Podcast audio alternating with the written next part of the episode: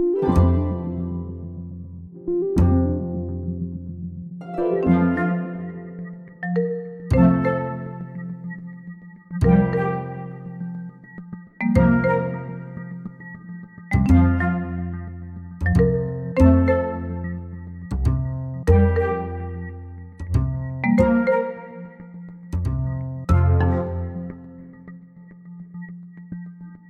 Sjukvårdsförsäkringar har debatterats i media under flera år. Men vad är det för typ av försäkring och hur fungerar de egentligen? Och med hjälp av Eva Erlandsson, seniorekonom på Svensk Försäkring, ska vi prata om sjukvårdsförsäkring och vilken typ av vård man kan få genom den. Hej Eva, välkommen hit! Hej, tack så mycket Ulrika! Först tror jag faktiskt att vi måste reda ut lite begrepp för att jag har märkt att man blandar ihop sjukförsäkring och sjukvårdsförsäkring.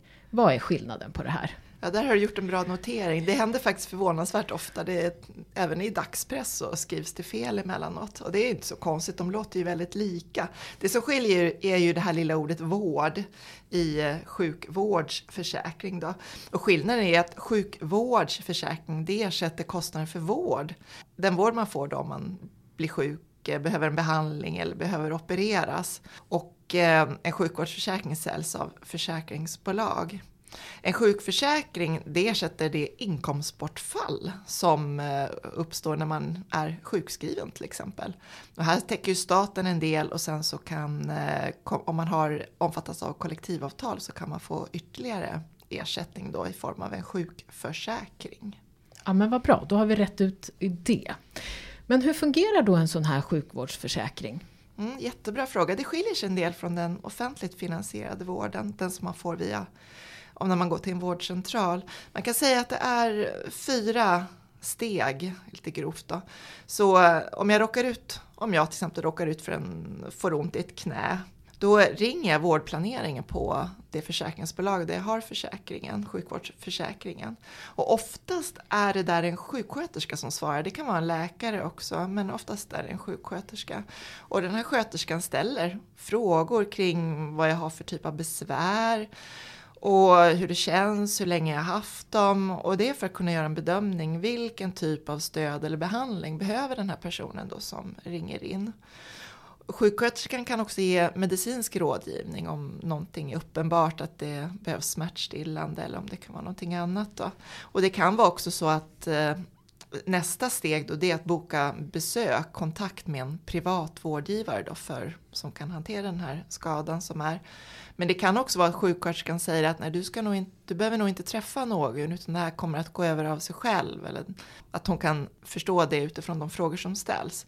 Men i annat fall då så bokas man in direkt, oftast direkt, på en tid för behandling hos en specialist. Hos många försäkringsbolag så har de ett Eh, har de tillgång till lediga tider som privata vårdgivare lägger upp i ett system. Det är inte alla som har det, men många använder sig av det. Så där kan de gå in och så ser de att här finns det en ledig tid hos en till exempel fysioterapeut. Då, då och så kan man få tid, ibland samma dag, ibland nästa dag. Men alltid inom sju dagar. Då. Eh, tredje steget är förstås att man får träffa den här specialisten och får hjälp med rehabilitering eller samtalsstöd. Och sen så kanske man behöver gå några, ett antal gånger för att få hjälp och stöd. Och sen efter ett tag då så avslutas behandlingen när man är hel igen då, eller frisk igen då, så att säga. Vilken typ av vård kan man få om man har en sjukvårdsförsäkring? Det är mycket vård, men det är inte all vård. Det är inte all vård som du kan få via den skattefinansierade vården. Det som sjukvårdsförsäkringen framförallt hanterar, den typen av liksom behandlingar som görs, det är inom ortopedi. Och där faller ju det här med knä då till exempel. Så Behandling hos fysioterapeuter, kiropraktor, naprapat är väldigt vanligt och det står för omkring 30 procent av den vård som ges inom sjukvårdsförsäkring. Så det är någonting som omfattas då. Men även eh, om man har hudförändringar så kan man höra av sig om man har problem med öron, näsa, hals. Gynekologi är ganska vanligt, problem med urinvägar. Och sen så eh, om man har liksom ögonirritationer, ögonproblem. Jag kan säga att det är inte akutvård. Nu kommer jag kanske in om du hade tänkt ställa en sån fråga sen. Det var eh, precis min tanke, vad får man inte hjälp med? Ja, och ibland är det nästan enklare att börja i den änden. För i och med att mycket, väldigt mycket ingår i sjukvårdsförsäkring, men det är några saker som inte ingår. Och att jag tvekade där kring ögon, det är för att det har varit uppe i debatten att man att sjukvårdsförsäkringen skulle finansiera ögonoperationer mot närsynthet till exempel. Men det mm. omfattas inte. Eh, men akutvård omfattas inte. Alltså jag kan inte åka till akuten och få hjälp där på ett av de större offentligt finansierade sjukhusen. Så akutvård ingår inte och det är en vanlig missuppfattning att man tror det. Eh, inte heller vård i livets slutskede, så kallad palliativ vård. Det ingår inte heller. Och inte IVA, intensiv vård. Det ges inte heller. Eh, och sen var det ju uppe under corona i och med att det var en smitt det är en sjukdom som omfattades av smittskyddslagen. Då kom det upp också frågor kring sjukvårdsförsäkringen, om den på något sätt täcker covid. Och det gör den inte och det är just för att covid omfattades av smittskyddslagen. Då. Så det är ett antal eh, vårdinsatser som inte ingår i men får man snabbare vård genom en sjukvårdsförsäkring jämfört med den skattefinansierade vården? Det går inte att svara ja eller nej på det. Du kan få väldigt snabb vård inom den skattefinansierade vården så det går inte att säga ja eller nej. Men det är ofta kortare tider med sjukvårdsförsäkring som följer egentligen av att inom den offentliga vården så finns det en så kallad vårdgaranti. Du har rätt till vård inom 90 dagar. Sen behöver inte den följas, det finns inga sanktioner förknippade med den från det offentliga, från regionen då, utan men 90 dagar säger man att inom den tiden ska man få vård. Inom sjukvårdsförsäkringen så är tiderna betydligt kortare. Där är det vanligen, det kan skilja mellan olika försäkringsbolag, men i de allra flesta fall så har du rätt till besök hos en specialist inom sju arbetsdagar. Och visar det sig att du sen behöver operera så ska det ta ytterligare maximalt mellan 14 och 21 arbetsdagar. Så upp till 3-4 veckor då ska du, längre än så ska du inte behöva vänta.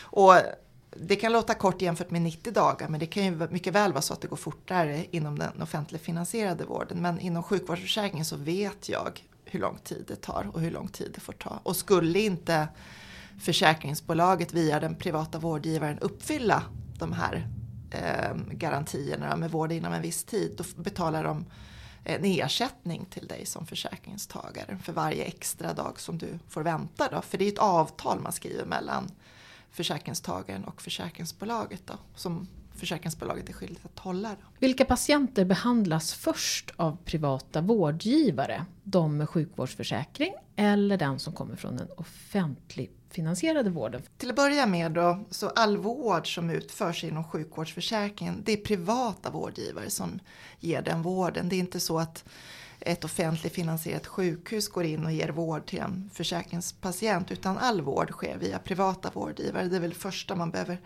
vara tydlig med. Och sen så är det så att läkare de ska följa hälso och sjukvårdslagen så en behandlande läkare ska utgå från om, den, om han eller hon får in två patienter, den av patienterna som har störst behov ska behandlas först oavsett hur det betalas så att säga. Så kommer du från det offentliga och har större behov så får du vård först. Men det kan ju faktiskt vara så också att det är en försäkringspatient som läkaren bedömer har ett större behov av vård just då. Och då ska den patienten gå först. Så oavsett hur vården är finansierad, om det är av regionen eller ett försäkringsbolag, så är det behov som går först. Vad händer om regionernas eller försäkringsbolagens efterfrågan ökar då? Jag har pratat en del med privata vårdgivare om det där eftersom det är mycket man, man ofta för fram att det är liksom en brist på vård i Sverige och att det är därför det blir köer. Och i vissa, inom vissa kompetenser så är det en brist. Det gäller bland annat reumatologer och eh, psykologer där det är långa väntetider. Men privata vårdgivare de kan utöka sin verksamhet. Är det så att efterfrågan ökar så kan de generellt sett anställa fler personer och också sälja fler timmar vård. Så om vi säger att en privat vårdgivare har en region som kund och sen så är det ett försäkringsbolag som hör av sig och vill höra och vill köpa vårdtjänster. Då kan de anställa en eller två till och på så sätt utöka sin verksamhet. Det låter kanske väldigt fyrkantigt men en vårdgivare, det, det är en dynamik i hur, vilka, hur, hur, många, hur stor efterfrågan på vård är hos dem och eh, så försöker de uppfylla det här och anställa mer personal. Då. Och det kan ju också vara så att om eh, ett, en privat vårdgivare har en region som köper timmar vård och ett försäkringsbolag som köper timmar av vård men så drar sig försäkringsbolaget ur av någon anledning. Ja, då måste de kanske avskeda någon av dem som jobbar där då så har de färre timmar att sälja totalt sett. Så det betyder inte att regionen plötsligt får fler timmar då om försäkringsbolaget skulle sluta köpa vård. Utan det vårdgivaren gör det är att han, det företaget de vill uppfylla de eh, avtal som de har med regioner och försäkringsbolagen. Och så förstås ge vård så snabbt som möjligt utifrån så som läget är. Då. Och hur finansieras den här försäkringen? Ja, för, finansiering sker enbart med premier som betalas av försäkringstagarna. Och ja, de här premierna de finansierar den vård som utförs, vårdplaneringen och administrativa kostnader. Så det är ingenting av den vård som utförs inom sjukvårdsförsäkringen som finansieras med skattemedel utan den finansieras i sin helhet med de premier som försäkringstagarna betalar in. Och vem får då teckna en sån här? Det finns inga generella begränsningar i vem som kan teckna den. Så liksom, grovt sett så skulle ju alla kunna teckna försäkringen. Men sen har vi olika typer av sjukvårdsförsäkring beroende på hur den betalas och tecknas. De flesta omfattas av en arbetsgivarbetald sjukvårdsförsäkring. Det betyder att arbetsgivaren tecknar den och betalar den och så omfattas de anställda av sjukvårdsförsäkring. Och där är ett villkor att den anställde ska vara fullt arbetsför. Det vill säga om man är anställd på 100% och jobbar 100% då ska man också när försäkringen tecknas jobba 100%. Så det är arbetsgivarbetalda försäkringar. Sen så är, finns det gruppförsäkringar som har varit vanligt ett tag nu att man kan teckna via sitt fackförbund. Och där är det lite olika. Ibland får man fylla i en blankett, så kallad hälsokontroll och ibland inte. Det beror, skulle, det beror sannolikt skulle jag gissa på hur stor den här gruppen är. Är det en tillräckligt stor grupp så är det möjligt att man hoppar över den här hälsokontrollen. Men är det färre individer som ingår så behöver man göra en hälsokontroll för att riskerna blir större. Sen kan man också teckna en sjukvårdsförsäkring som privatperson och höra av sig till ett försäkringsbolag. Och då får man alltid fylla i en hälsokontroll. Och ofta handlar det om att fylla i en blankett då, digitalt eller fysiskt på papper. Och att man gör, man ska vara noga med att anledningen till att man behöver göra en hälsokontroll det är det här som gäller för försäkringen att det måste vara en plötslig och oväntad händelse. Så säg att jag redan har symptom av en skada, att jag redan behandlas kanske för någonting. Då kan jag inte teckna en försäkring i efterhand och få behandling för den skadan via försäkringen. För det, det är ju någonting jag redan har. Och det är någonting som skiljer sig mellan det offentliga och det privata i och med att det här är frivilliga försäkringar medan den offentliga offentligfinansierade sjukvården är ju någonting som vi alla betalar skatt och avgifter för. Då. Men att tänka på så är det kanske att ett besök också på en sån här eh, kan kosta i självrisk, tänkte jag på.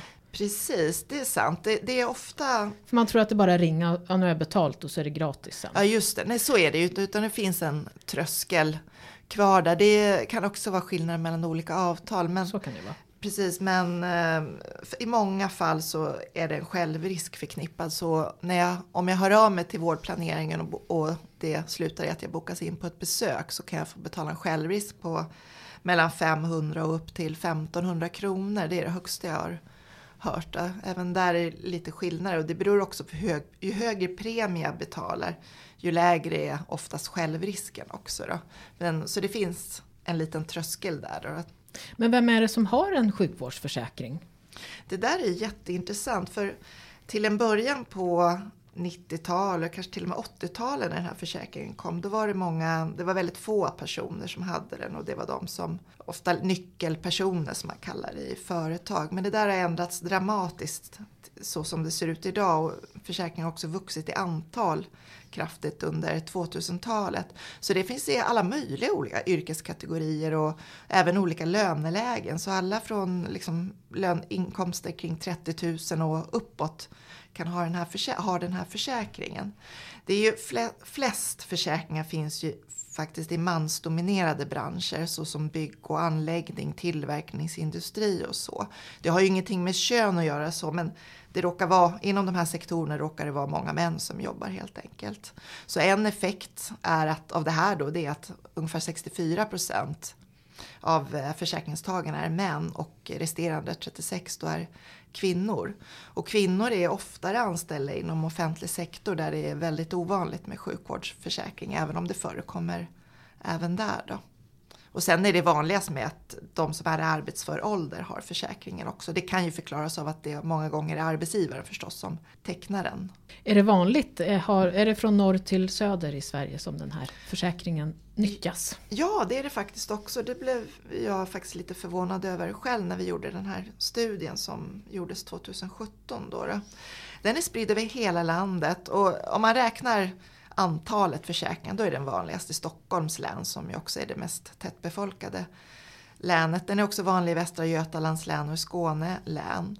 Men om vi tittar på sjuk, antalet sjukvårdsförsäkringar och så relaterar det till hur många som arbetar, liksom de, de två måtten då, då är den vanligast i Jämtlands län.